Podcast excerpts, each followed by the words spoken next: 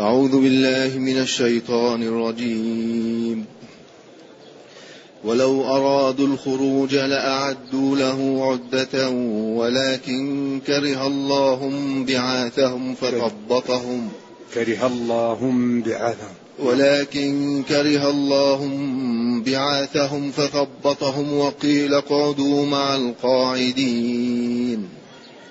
لو خرجوا فيكم ما زادوكم إلا خبالا ولأوضعوا خلالكم يبغونكم الفتنة وفيكم سماعون لهم والله عليم بالظالمين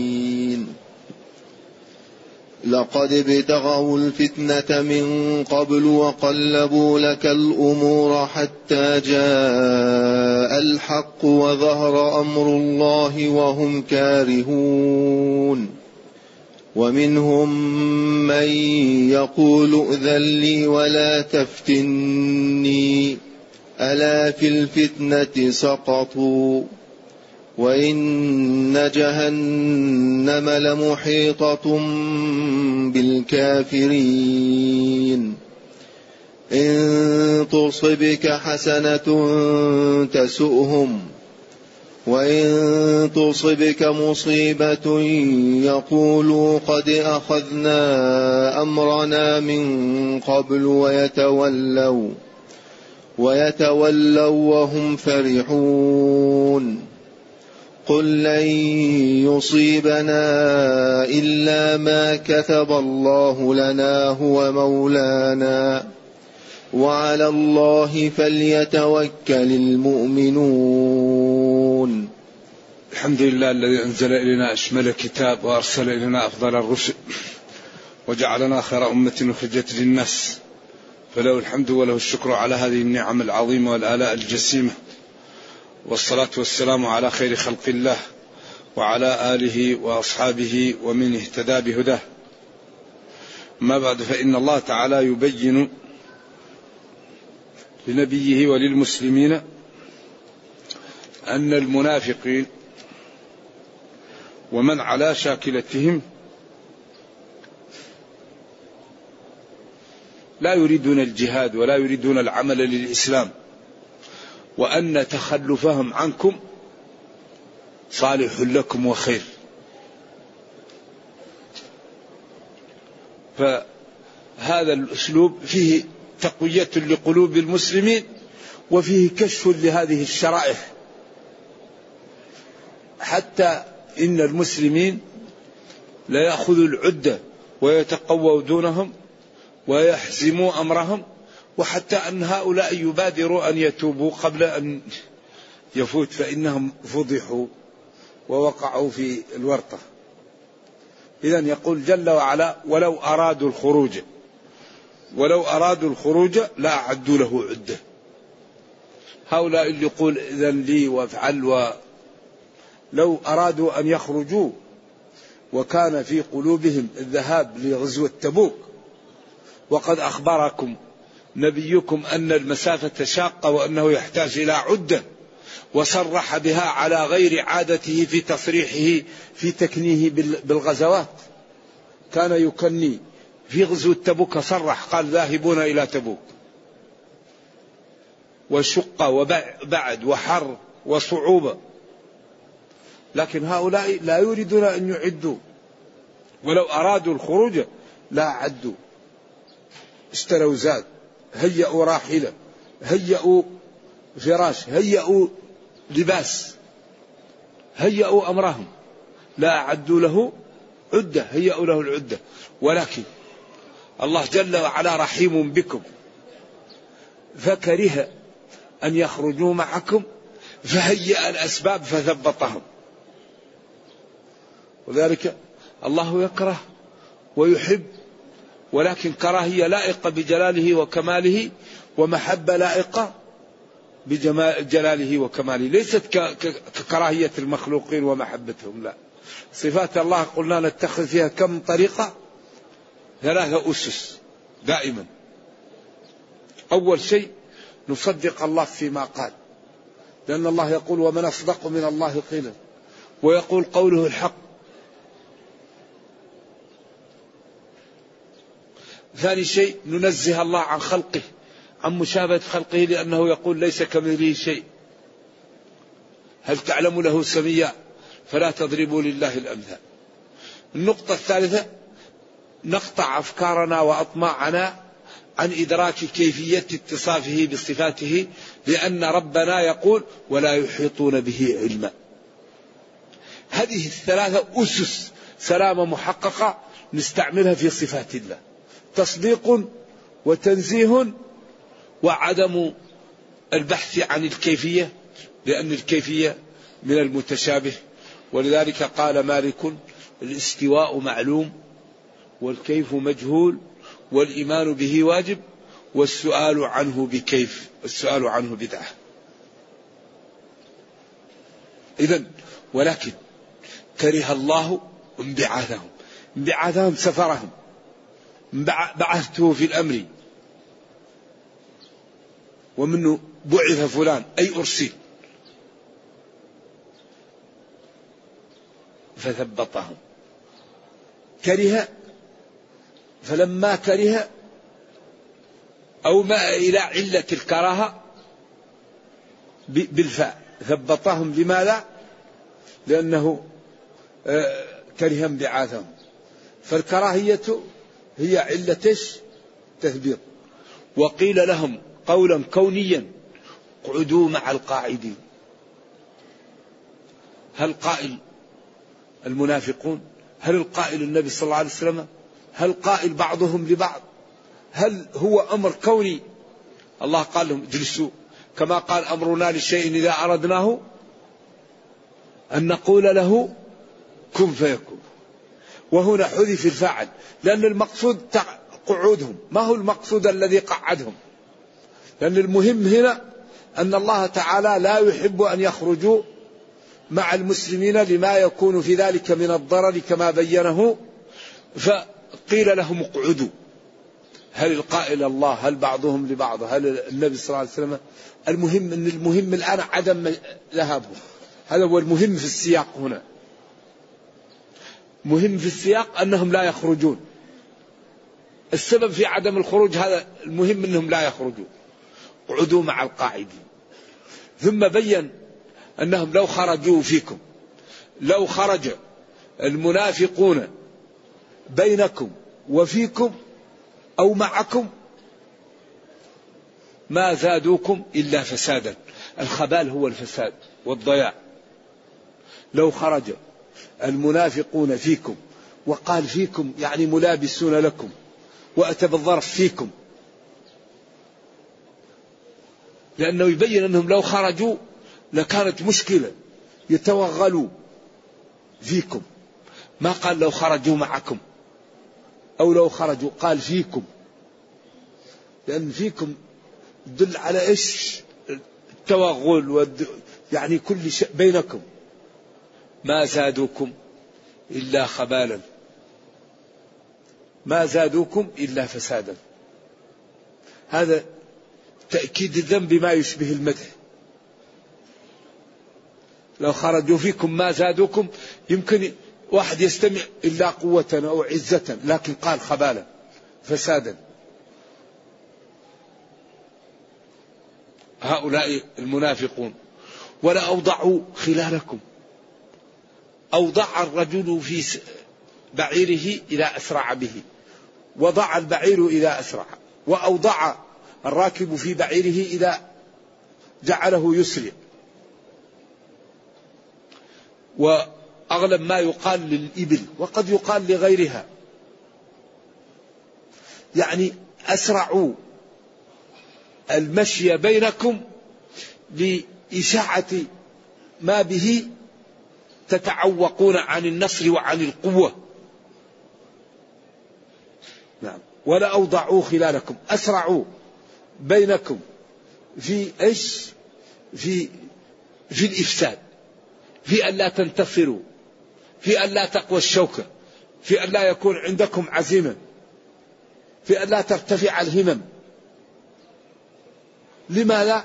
يبغونكم الفتنة. يريدون بالمسلمين الفتنة والفتنة الهزيمة والفتنة الاختلاف والفتنة يعني عدم الاتحاد والفتنة الاختبار والفتنة الرسوب في الاختبار والفتنة الطرد من المدرسة. الفتنة الفتنة إرسال الرسل والفتنة التكذيب بالرسل والفتنة دخول جهنم. كله يقال له الفتنة. وأصل الفتنة في اللغة أن يوضع الذهب في النار ليظهر الزيف من الأصل.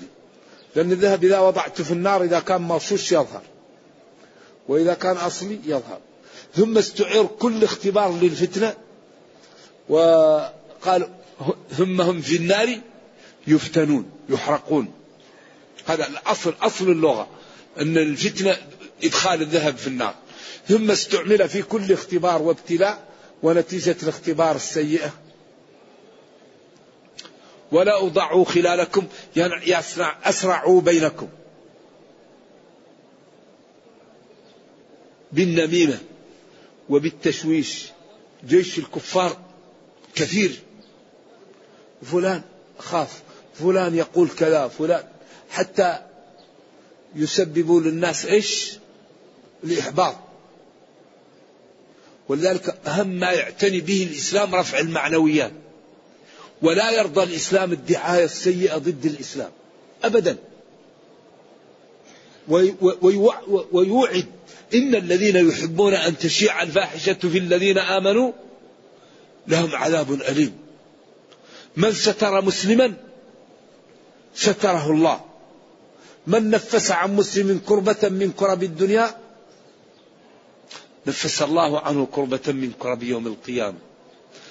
يوم في في الحج أوجب في طواف القدوم معناها أمر سنة. يعني الرمل. الرمل نوع من السير والإضباع هذا في طواف كل قدوم سواء كان في العمرة أو في إيش؟ أو في الحج طواف الذي يأتي به الإنسان وهو قادم للبيت لنسك لا بد أن يرمل في الأشواط الثلاثة. ويعمل الإطباع. هل في كل الأشواط أو في الأشواط الثلاثة؟ وارد وغير محلول. لكن يرمل في الأشواط الثلاثة. لماذا؟ حتى إذا رأى الكفار المسلمين قالوا والله نشطاء أقوياء. ما تراهم يجرون. فالإسلام يهتم بالأمور الطيبة. ولما قرب النبي صلى الله عليه وسلم من مكة قال لكل واحد يوقد نار. هم كانوا عشر ألاف. وصاروا مرتفع في جنب مكة. قالوا كل واحد يوقد نار. طيب لاحظوا عشر ألاف نار كيف يكون؟ حتى يرهب الأعداء.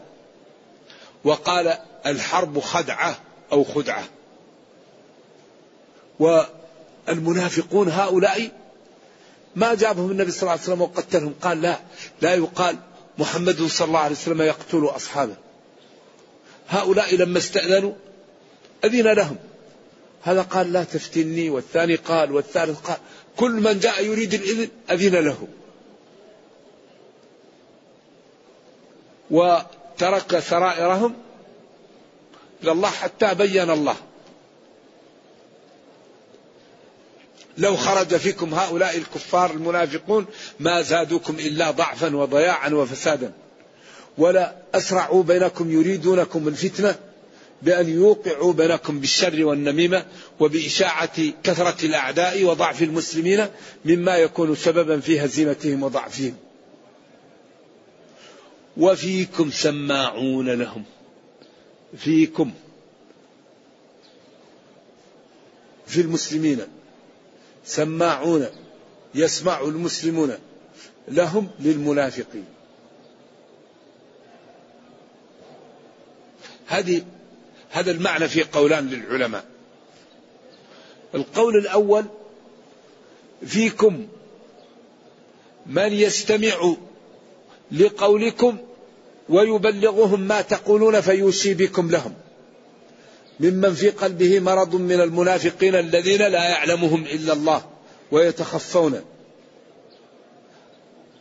أو من في قلبه مرض. هذا القول الأول وهو اختيار كبير المفسرين. أن فيكم سماعون لهم أي فيكم من يستمعون ليوشي ويبلغهم ما تقولون. ويكون في ذلك سببا في ضعفكم لأنهم يدبرون ما لا يدبرون لكم ما به تضعفون وتنهزمون كما سيأتي. القول الثاني وفيكم سماعون لهم لأنهم من كبراء قومهم فإذا قالوا استمعوا لهم وأنصتوا واعتبروا بكلامهم لأن في عرف القبيلة أن هؤلاء كبراء والكبراء يستمع منهم. وهذا ضعيف لأن الذي يستمع له ما يقال سماع يقال سامع له. في اللغة أن الذي تستمع له يقال فلان سامع لفلان. أما سماعون هو الذي يستمع ويبلغ. فالسياق يرجح القول الأول وهو الذي اختاره كبير المفسرين ابن جرير. ولذلك نحن إذا أردنا أن نفسر كتاب الله ينبغي أن نحرص على سبع نقاط دائما. هذه النقاط مهمة جدا جدا لمن يريد أن يصحب كتاب الله. لأنها تكون عونا له على الفهم وعونا له على تثوير القرآن ليستفيد منه أكبر فائدة ممكنة. فأول شيء يعتني به مفسر القرآن هي مفردات القرآن. غريب مفردات اللغة غريب القرآن. هذه هذه النقطة الأولى.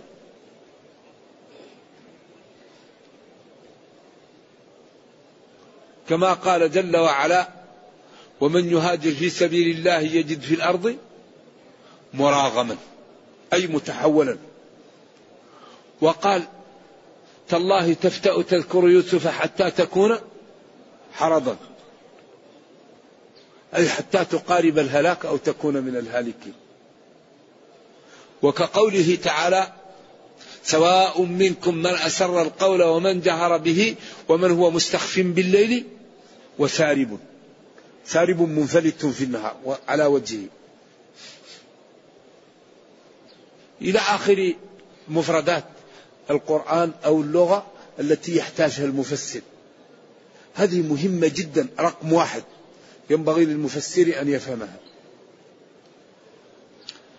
النقطة الثانية التي ينبغي للمفسر أن يعتني بها هي النحو والصرف لأن الكلمة يختلف معناها بالإعراب. وآتوا النساء صدقاتهن نحلة. هل هي مفعول لأجله؟ أو ما ناب عن المطلق؟ أو حال؟ فيختلف المعنى كونها لأجله أو حال أو مفعول مطلق. وإن كان رجل يورث كلالة أيضا يختلف إعرابها. فيختلف المعنى باختلاف الإعراب. كذلك التصريف لا تضار والدة.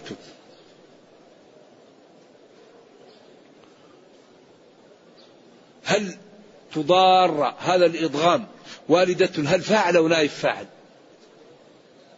لا يمكن نعرف هل نائب فاعل أو فاعل إلا إذا فكينا الإضغام. إما نقول لا تضارر نائب فاعل لا تضارر فاعل. كفعله اسم فاعل في العمل. أما اسم المفعول يعمل فعل إيش؟ الفعل المبني للمجهول. ولا يضار كاتب. كذلك كاتب هل هو اسم فاعل؟ يعني أو اسم مفعول. إذا كان اسم فاعل يكون كاتب فاعل وإذا كان اسم مفعول يكون كاتب نائب فاعل. إلا أن يعفون. أن حرف نصب. يعفون فعل مضارع. مبني على السكون في محل نصب بأن. والنون فاعل والفعل مبني لاتصاله بنون الإناث. لذلك لما عطف عليه معرب قال أو يعفو أو يعفو. وأبدي نصب ما كيدعو يرمي. يدعو يعفو. وأبدي نصب ما كيدعو يرمي أو يعفو. إذا النقطة الثانية معرفة النحو والصرف. ضروري لمن يريد أن يتعلم أن يهتم بهذه الأمور حتى إذا درس في القرآن فهم واستفاد. النقطة الثالثة البلاغة. والبلاغة ثلاثة علوم. علوم تسمى علم المعاني ويحتاجها المؤلف والمستنبط والمرجح. الذي يريد أن يرجح أو يستنبط أو يختار بين الأقوال دائما يهرع إلى علم البيان. والواعظ والخطيب والمدرس يحتاج إلى علم البيان. وعلم البديع هو مما يجعل الكلام في قوالبه جميل. علم البديع هو مثل ما البناء إذا عملت ووضعت له إيش؟ تجميل لكن ليس له داخل في بنية الجدران ولا في بنية الأعمدة. ولكن الديكورات والأشياء فعلم البديع هو تجميل للأسلوب وطيب ويعطي للكلام رونق وجمال وحسن وقبول. لكن ما له دخل في داخل بنية الكلام وإنما له تجميل. وأهمية علم المعاني أنك لا تتكلم كلام إلا مطبق في أربع أبواب من أبواب المعاني. إما أن يكون خبر أو إنشاء وإما أن يكون فائدة الخبر أو لازم الفائدة وإما أن يكون ابتدائي أو طلبي أو إنكاري وإما أن يكون وصل أو فصل وإما أن يكون إيجاز أو إطناب أو مساواة. فأنت لا تتكلم كلام إلا في أربع أبواب من أبواب علم المعاني. فهذا مهم جدا لمن يريد أن يفسر القرآن. النقطة التي بعد هذه هي معرفة الأحكام التي تحويها الآيات.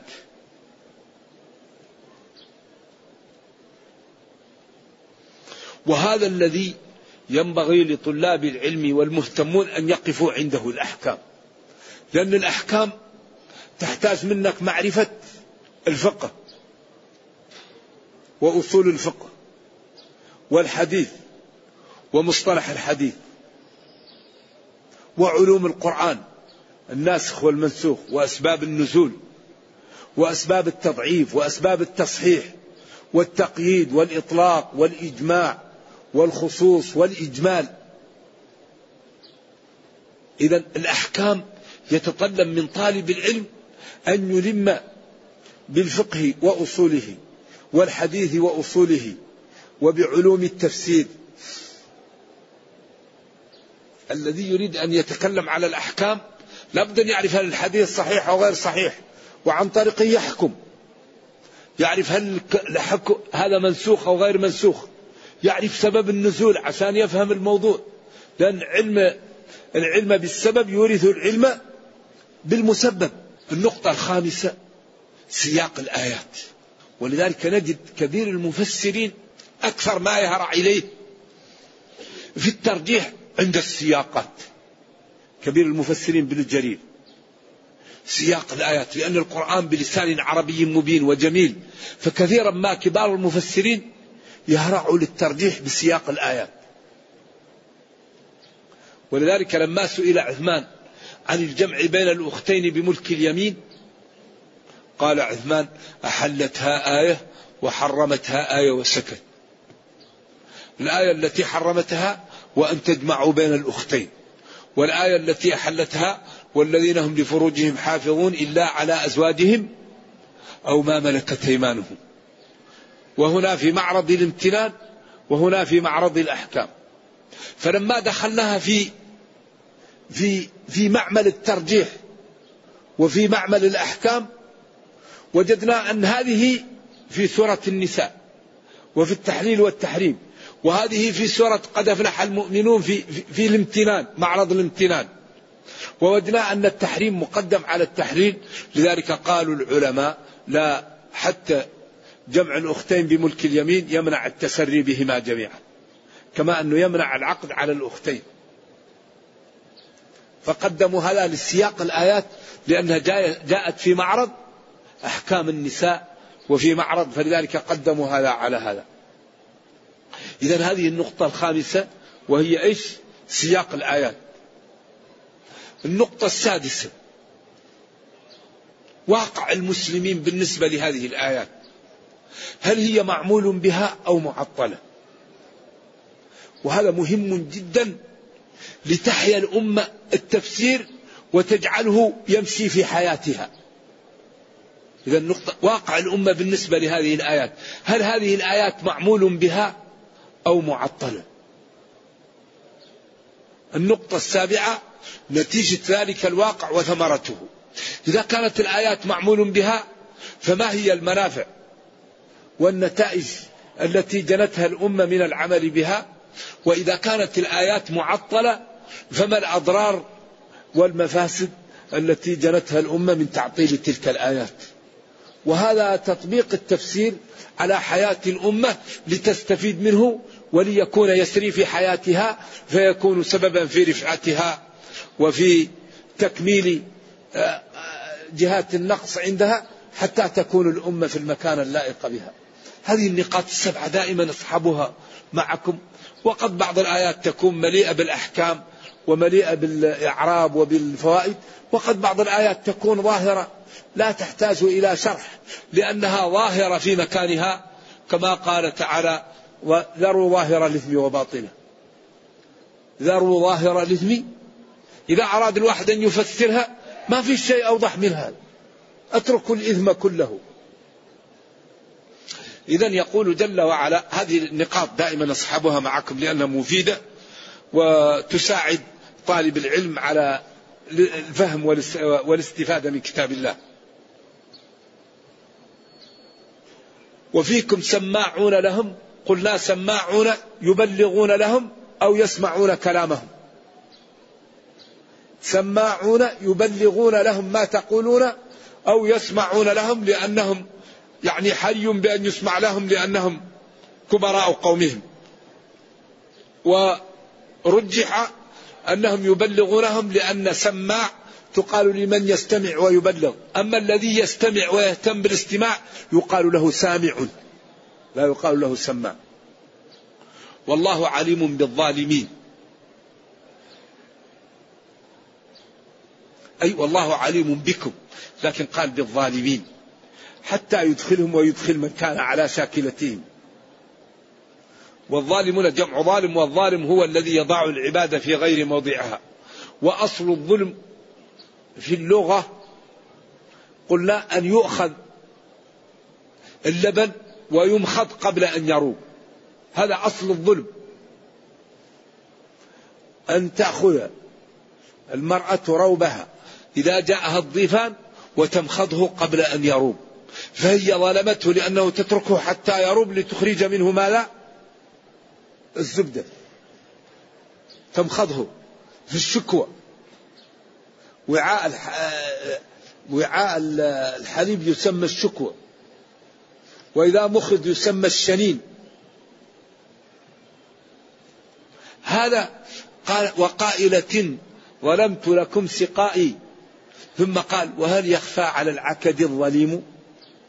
أي ظلمت لكم سقائي اللبن حيث مخضته قبل أن يروب.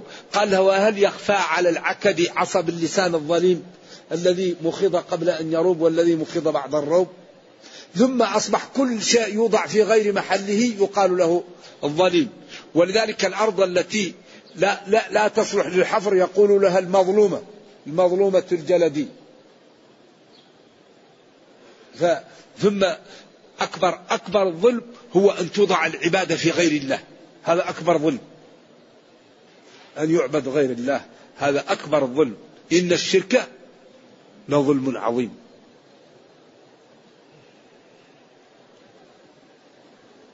أي والله عليم بكم لكن جعل الظاهر موضع الضمير ليجعلهم ظالمين ويدخل معهم من كان على شاكلتهم. لقد ابتغوا الفتنة من قبل. لقد. تأكيد. لا وقد. ابتغوا طلبوا وبغوا وأحبوا. الفتنة وقوع. الشر. وهزيمة الإسلام. وكفر الناس. وعدم دخولهم في الإسلام من قبل. عبد الله بن أبي بن سلول انخزل بثلث الجيش. عشان تقع الهزيمة. وقلبوا لك الأمور. تقليب الأمور هو عبارة عن التدبير في الإتيان بأقوى طريقة لأن, لأن ترد ما تريد أن ترده. هذا هو تقليب الأمور. مثلا تريد حاجة. طيب تفكر كيف نعمل وكيف نعمل وكيف نعمل. وهل هذه الطريقة أحسن وهل هذه الطريقة أحسن؟ ثم بعد ذلك يعني تختار القول الذي تراه نافعا. قلبوا لك الأمور. دبروا لك. وفكروا في إيقاع الهزيمة وعدم إيمان الناس حتى جاء الحق. حتى ظهر الإيمان وانتصر المسلمون في بدر. فقال عبد الله بن أبي بن سلول لا بد أن نظهر الإيمان وبعدين نحن نشتغل في الخفاء. لأن لأن إظهار الكفر الآن غير معقول. فنبطن الكفر ونظهر الإيمان وبعدين نشتغل. حتى جاء الحق وقوي الإسلام وعلموا أنهم لا طاقة لهم بالوقوف في وجهه وظهر أمر الله شرعه ودينه وهم كارهون. والحال أنهم كارهون ذلك لا يريدونه. ومنهم هؤلاء ويدخل فيهم دخول أول الجد بن قيس لأنه كان سيد لقومه وكان منافقا. إذن لي إذن لي يعني سامحني في القعود وعدم الخروج ولا تفتني في بناء ببنات بني الأصفر لأني رجل معروف بحب النساء وعدم الصبر عنهن. فإذا ذهبت هنالك قد نقع في الفتنة. رد الله عليه ردا بليغا موجزا في أحسن الكلام. ألا في الفتنة سقط. ألا. حرف استفتاح. ليتنبه السامع ويعلم ما لا يقال. ثم قال في الفتنة سقط. تعبير في غاية الجمال. هم يقول ائذن لي يا رسول الله ائذن لي في عدم الخروج لتبوك. لأن هذا الروم والروم عجيبين ويقال هناك إن في هذه المنطقة فيها نساء من الروم وأمهاتهن من الحبش وكن على شكل خاص. يقال لهم بنات الأصفر وكن معروفات بالجمال والحسن. فقال هؤلاء إذا رأيتهن وقعت في الفتنة فأذن لي ولا تفتني. قال الله له أنت سقطت في الفتنة. هذا الذي فعلته هو الفتنة. لأن تركك للجهاد. وقعودك في بيتك وعدم الذهاب لإعلاء كلمة الله ولدفع الصفقة وهو نفسك ومالك للجنة هذا هو عين الفتنة وهو عين الهلكة وهو عين السفة وهو عين العطب. لا الذهاب والتعذر بالأعذار الباردة والكذب. يمكن يكون حتى هو ما هو رجل كله كذاب. أيوه. كله يكذب. ألا في الفتنة سقطوا. بعدين قال وإن جهنم لمحيطة بالكافرين. هذا تخويف وتهديد وتحذير. أنتم كافرون إذا أنتم تحيط بكم جهنم. ولذلك كل هذا التعبير باللازم. ألا في الفتنة سقطوا. بعدين وإن جهنم لمحيطة بالكافرين. وبعدين قال ذاك الظالمون أنتم ظالمون. إذا أنتم مع هؤلاء. وأنتم ظالمون فأنتم داخلون. وسقطتم في الفتنة. والذي يسقط في الفتنة هو كافر. والكافر محيط به جهنم. وإن جهنم لمحيطة. حاط بالشيء إذا أتاه من جميع جوانبه. وظنوا أنهم أحيط بهم. ولذلك وصف الله النار في القرآن وحذر منها وخوف منها وجعل العاقل ينتبه لها سبعة أبواب لكل باب. النار لها زمام. وقال في عمد عليهم مؤصدة في عمد أو عمود ممددة. يدخل في عمود من النار ويقفل عليه ويدخل في سلسلة. تدخل فيه السلسلة كما يدخل يعني السلك في العقد. يعني يكون معلق فيه من فمه وآخره. معمول في سلسلة ويدخل في العمود ويغلق عليه. نرجو الله السلام والعافية. وهم فيها كالحون عياذا بالله. كلما نضجت جلودهم بدلناهم جلودا غيرها. النار مهواكم خالدين فيها. وقالوا لو كنا نسمع أو نعقل ما كنا في أصحاب السعيد اذا العاقل ينبغي له أن يهتم بأن ينجو من النار.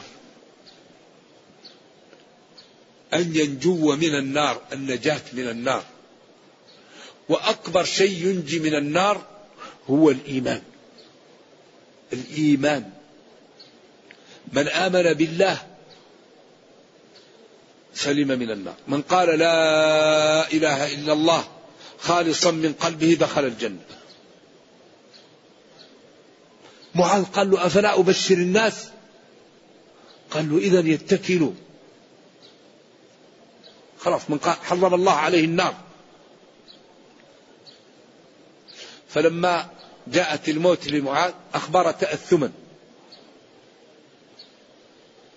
ولكن قالوا لا إله إلا الله لها سنون مفتاح الجنة له سنون إذا كان ما فيه سنون كيف يفتح؟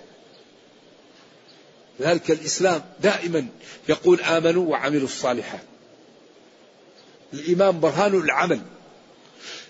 ثم بين من صفاتهم إن تصبك حسنة تسؤهم. أعوذ بالله. إن شر. تصبك فعل الشر. حسنة فعل تصبك. تسؤهم جواب الشر.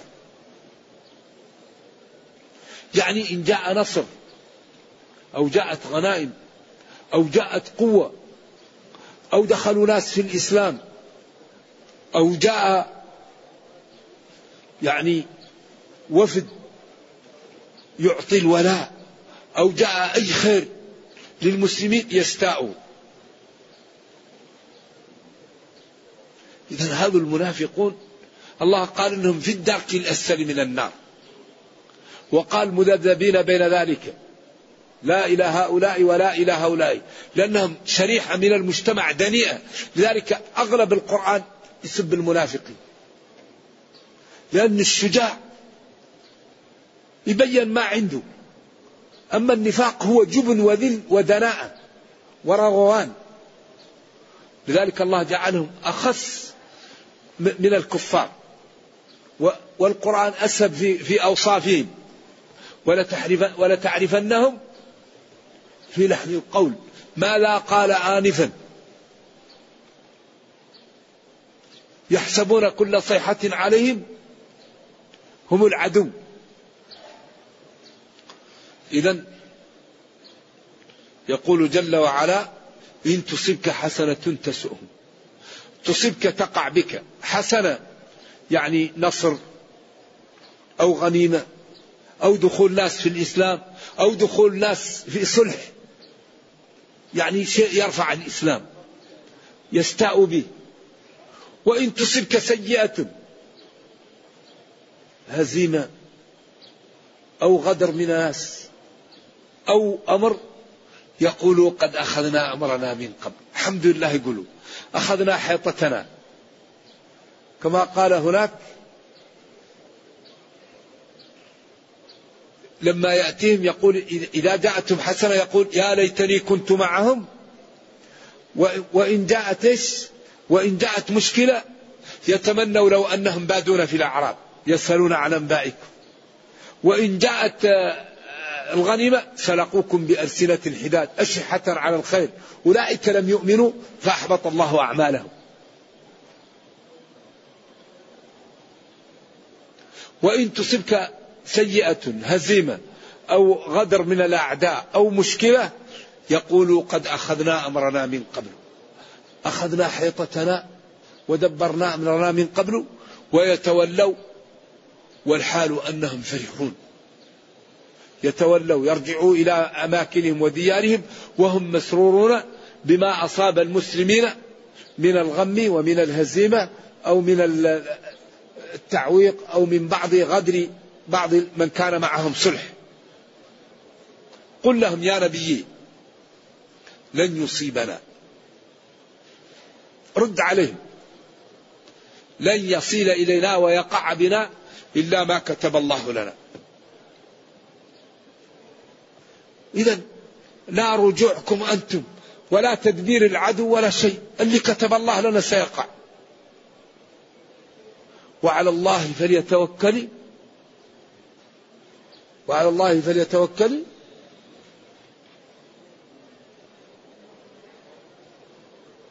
وعلى الله فليتوكل المؤمنون.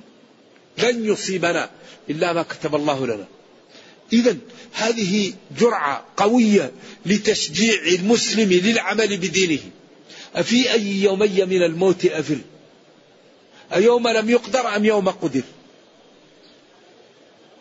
قل لو كنتم في بيوتكم لبرز الذين كتب عليهم القتل إلى مضاجعهم. الذي يكتب الله لازم يقع. فرعون جاءته الكهنة. وقالوا له يولد. مولود من بني إسرائيل يزول ملكك على يديه. فصار فرعون قتل أولاد ذكور من أولاد بني إسرائيل. ذبح ذبح ذبح. بعدين قالوا له يفنى بنو إسرائيل ولا يبقى عندنا من يخدمنا. الله قال أنت تفعل هذا. يا فرعون سيتربى في بيتك ويقتلك. الكبير المتعال. وقال فالتقطه آل فرعون ليكون لهم عدوا وحزنا المحققون يقول اللام لام كي وليست لام العاقبة ولا الصيرورة. وإن قال بذلك جل من علماء البلاغة والمعاني. يقول فالتقطه آل فرعون ليكون لهم قرة عين فعاقب أن كان لهم عدوا وحزنا. لا. يقول الحافظ بن كثير الذي يظهر أنها لام كي. ويقول الوالد في أضواء البيان التحقيق أنها لام كي وإن أباها من أباها. فأشاء الله التقاطهم له لكي يجعله لهم عدوا وحزنا وما تشاءون إلا أن يشاء الله. إذا الكبير المتعالي هو المدبر فرعون يقتل وهذا يتربى في بيته ويغرق على يديه. وهم ينظرون. إذا نحن نلتزم الأوامر ونجتنب النواهي والنتائج على الله. لا نخاف. ولذلك ما قدر الله يقع. أمره إذا أراد شيء أن يقول له كن فيكون. فإذا قيل القدر ما القدر نحن لا نعرف ما المكتوب وربنا قال اعملوا. لما قالوا ففيما العمل؟ لما نزلت آية الحديد ما أصاب من مصيبة في الأرض ولا في أنفسكم إلا في كتاب من قبل أن نبرأها. إن ذلك على الله يسير لكي لا تأسوا على ما فاتكم ولا تفرحوا بما أتاكم. الآيات قالوا ففيما العمل؟ جفت الأقلام وطويت. ففيما العمل؟ قال اعملوا اعملوا اعملوا فكل ميسر لما خلق له. واحد يعمل ويسأل الله التوفيق ويسأل الله الجنة ويسأل الله أن يمته على لا إله إلا الله وأن يجيره من النار ومن عذاب القبر ويقوم بالأسباب. الدنيا إيش؟ أسباب. الدنيا هكذا. تدفع تربح. تنام تخسر. لا بد أن نجتهد. وقل اعملوا وتعاونوا كونوا اثبتوا أعدوا. أين نحن من هذه الأوامر؟ لذلك لا بد لنا من الاهتمام بمصالحنا. لا بد للمسلمين من الاهتمام بأمورهم العامة ومؤسساتهم حتى يكونوا في المكان اللائق بهم. اهتموا بالعقول بالاستشارة بالعلم بالأذكياء بالمصانع بالمزارع. حتى تكون الأمة أقوى أمة. ونحن الأفراد نهتم بالقدوة. القدوة الحسنة. القدوة. ونقبل من كل واحد ما يستطيع. أي واحد يريد أن يقدم للدين جزاه الله خير. ما لا يستطيع جزاه الله خير. ونرفق بالناس. نرفق. ما كان الرفق في شيء إلا سام الطيب نكرمه لأنه طيب والبطال نكرمه لإزالة البطالة عنه. فطالما استعبد الإنسان إحسانه أحسن إلى الأحرار تستعبد قلوبهم فخير تجارات الأحرار اكتسابها. عندك جار لا يصلي أغدق عليه بالإحسان. زوروا واهديله وزوروا واهديله وزوروا واهديله ثلاث مرات. طيب قول له يا شيخ إيش رأيك نروح نصلي؟ يقول لك حاضر أمر. اللها تفتح لها. إكرام. بالقصة ماذا فعلت. ما لما جاءها رسالة من نبي الله وملكه سليمان. قالت إني ألقي إلي كتاب كريم. ثم أول ما قالت وإني مرسلة إليهم بهدية. اللها تفتح لها. المسلمون وطلاب العلم والفضلاء. لا بد أن يكرموا الناس. عندك جار لا يصلي. عندك جار يكره الدعاة عندك جار يكره المتدينين عندك صديق ينفر من الدين. ارفق به يا أخي حتى تدعوه. والله جعل جزء من مال المسلمين العام لتأليف الناس للإسلام. قال والمؤلفة قلوبهم كما سيأتي. فلا بد أن نكرم الناس وأن نعمل معهم الرفق حتى يعطوك آلانهم فتنزع الشر وتضع الخير. طيب الآن كثير من الناس يهجر المنحرفين. يقول لك هذا كلابي هذا أشعري هذا مبتدئ هذا صوفي هذا فاسق وينام في بيته. طيب الوحي انقطع. النبي صلى الله عليه وسلم قال لا نبي بعدي. طيب هؤلاء الشرائح المنحرفة إذا لم يقيد لهم الله من جعله على فهم للدين وعلى معتقد صحيح وعلى علم إذا إذا لم يجري هؤلاء وراء المنحرفين من أين تأتيهم الهداية؟ إذا كان كل واحد منحرف نهجره طيب متى تأتي لهؤلاء الهداية؟ لا بد لمن رزقه الله الهداية والفهم أن يرفق بمن ابتلي بالفساد سواء في المعتقد أو في الأخلاق أو في الشهوة أو في الشبهة أن يجري وراءه حتى ينقذه الله على يديه وبعدين القلب بين أصبعين من أصابع الرحمن. لا يقبل منك اليوم ولا بكرة ولا بعد بكرة بعدين يقبل. وبالأخص إذا رأى فيك الصدق والنزاهة لأن الذي يؤثر الصدق طلاب العلم والمهتمون بالدين أهم شيء النزاهة. نزاهة اللسان نزاهة اليد نزاهة الجيب. العفة العفة. المسلم عفيف عفيف اللسان. عفيف البصر عفيف الجيب عفيف البطن. وإلا إذا كان الواحد يتكلم بالدين وبعدين أخلاقه في جهة أخرى. هذا يكون وبال على الدين. الدين كله القدوة القدوة الحسنة. فلنهتم بالقدوة ولنهتم بالعمل ولنرفق بمن؟ بالمخالف. وبعدين ديننا قائم على الإقناع الإسلام كله إقناع أم خلقوا من غير شيء؟ أم هم الخالقون؟ أم خلقوا السماوات والأرض؟ كل لم يقع. إذا خالقكم الله فاعبدوه والتزموا أوامره واجتنبوا نواهيه. وإن كنتم في ريب مما نزلنا على عبدنا ماذا قال؟ ما قال فقد كفرت. قال فأتوا بسورة. أنا صدق نبيي هذا الكتاب. فإن كنتم مكذبين به فأتوا به فإن عجزتم فاعلموا أنه صدق وقد وعد المكذب به النار فاتقوا النار. إذا الدين كله قائم على الإقناع وعلى الحجج وعلى النزاهة وعلى العدالة وعلى الصدق وعلى السماحة وعلى التغاضي وعلى الإيثار. فهيا بنا جميعا أن نكون قدوة لهذا الدين ونكرم الناس ونرفق بها حتى تحب هذا الدين فتدخل فيه. نرجو الله جل وعلا أن يرينا الحق حقا ويرزقنا اتباعه وأن يرينا الباطل باطلا ويرزقنا اجتنابه وأن لا يجعل الأمر ملتبسا علينا فنضل. اللهم ربنا آتنا في الدنيا حسنة وفي الآخرة حسنة وقنا عذاب النار. اللهم أصلح لنا ديننا الذي هو عصمة أمرنا وأصلح لنا دنيانا التي فيها معاشنا وأصلح لنا آخرتنا التي لها معادنا واجعل الحياة زيادة لنا في كل خير والموت راحة لنا من كل شر. اللهم نفس كرب المكروبين واشف الدين عن اقض الدين عن المدينين واشف مرضانا ومرضى المسلمين. اللهم إنا نسألك أن تغفر لنا وأن ترحمنا وأن تتجاوز عن سيئاتنا. إنك خير مسؤول والقادر على ذلك.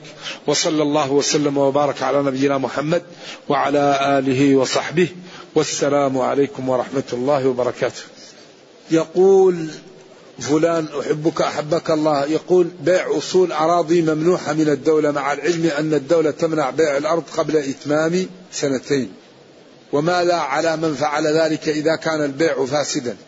ملاحظة يتم بيع أصول وليس بيع الملكيات لأن صاحب الأرض لم يستلم الملكية. الذي يظهر من النصوص أن الإنسان لا يبيع إلا ما يملك. حتى إن الشرع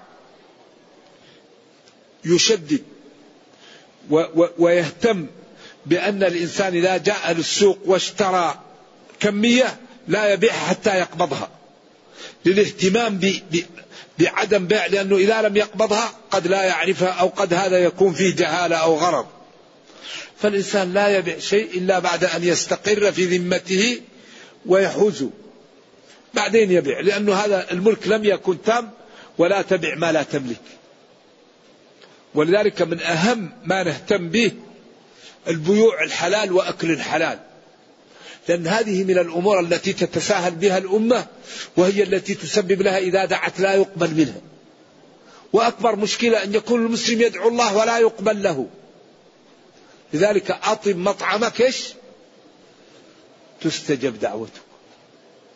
فالبيع مقصود به الأكل لا تأكلوا الربا لأن أغلب ما يهتم بالبيع لأجل الأكل. فإذا كان فاسد أنت تأكل شيء غير جيد. فلنهتم بالبيع. ولنهتم بأكل الحلال حتى إذا دعونا ربنا استجاب لنا. والإنسان إذا كان لا يعرف يسأل أهل الذكر لأن الله قال فاسألوا أهل الذكر إن كنتم لا تعلمون. والأمور ميسرة ومن ترك شيئا لله عوضه الله. هل الدعاء بعد صلاة العصر في مسجد قباء يوم السبت مستجاب؟ لا أعرف ذلك. هل الجدال في شراء القرآن؟ يعني هل خلاف؟ القرآن لا يسافر به إلى أرض الكفر. نعم. والآن أصبح يطبع في أرض الكفر القرآن. كيف يتعلم طالب العلم علم البلاغة وما الكتب التي تنصحون طالب العلم بها في البلاغة؟ يتعلمها كما يتعلم. الأمور الله أخرجكم من بطون أمهاتكم. لا تعلمون شيئا وجعل لكم السمع والأبصار والأفئدة. لعلكم تشكرون. تعلمون فتشكرون.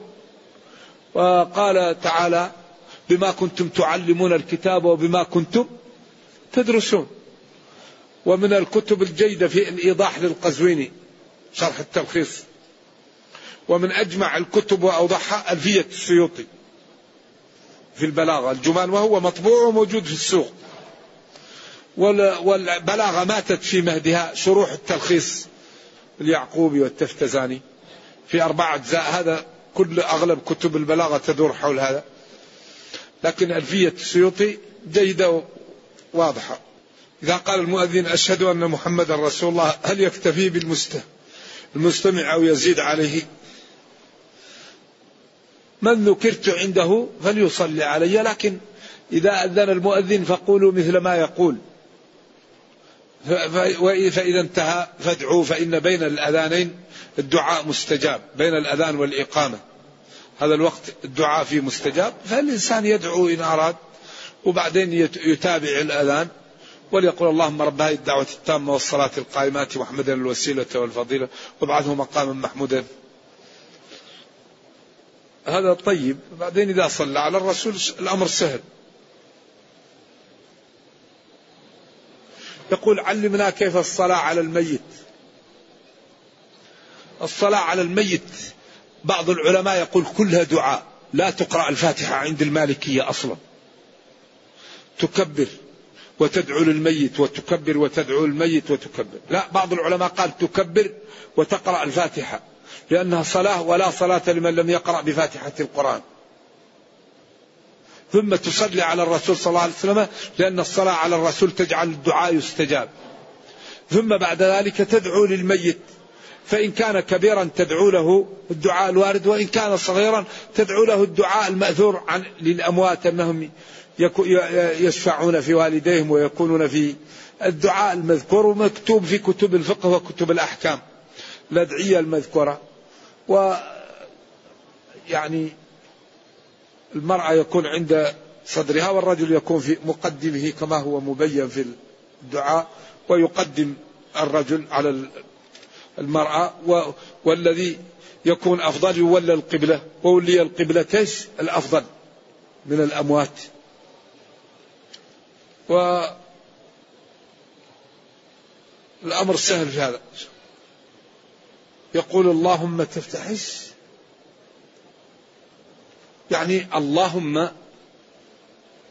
هي الذي فيها تقول يا اللهم. لأن لا يأتي الياء مع اللام. ال آه. آه.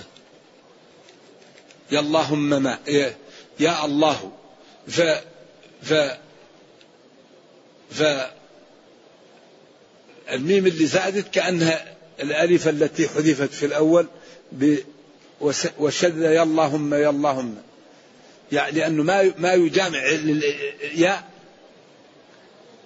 أيوة المعوض والمعوض. فلذلك فجاءوا بهذا بدل هذا.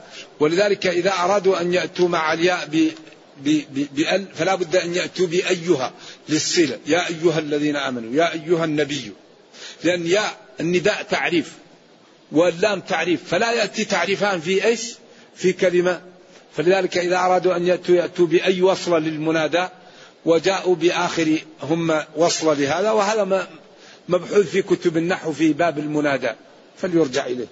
السلام عليكم.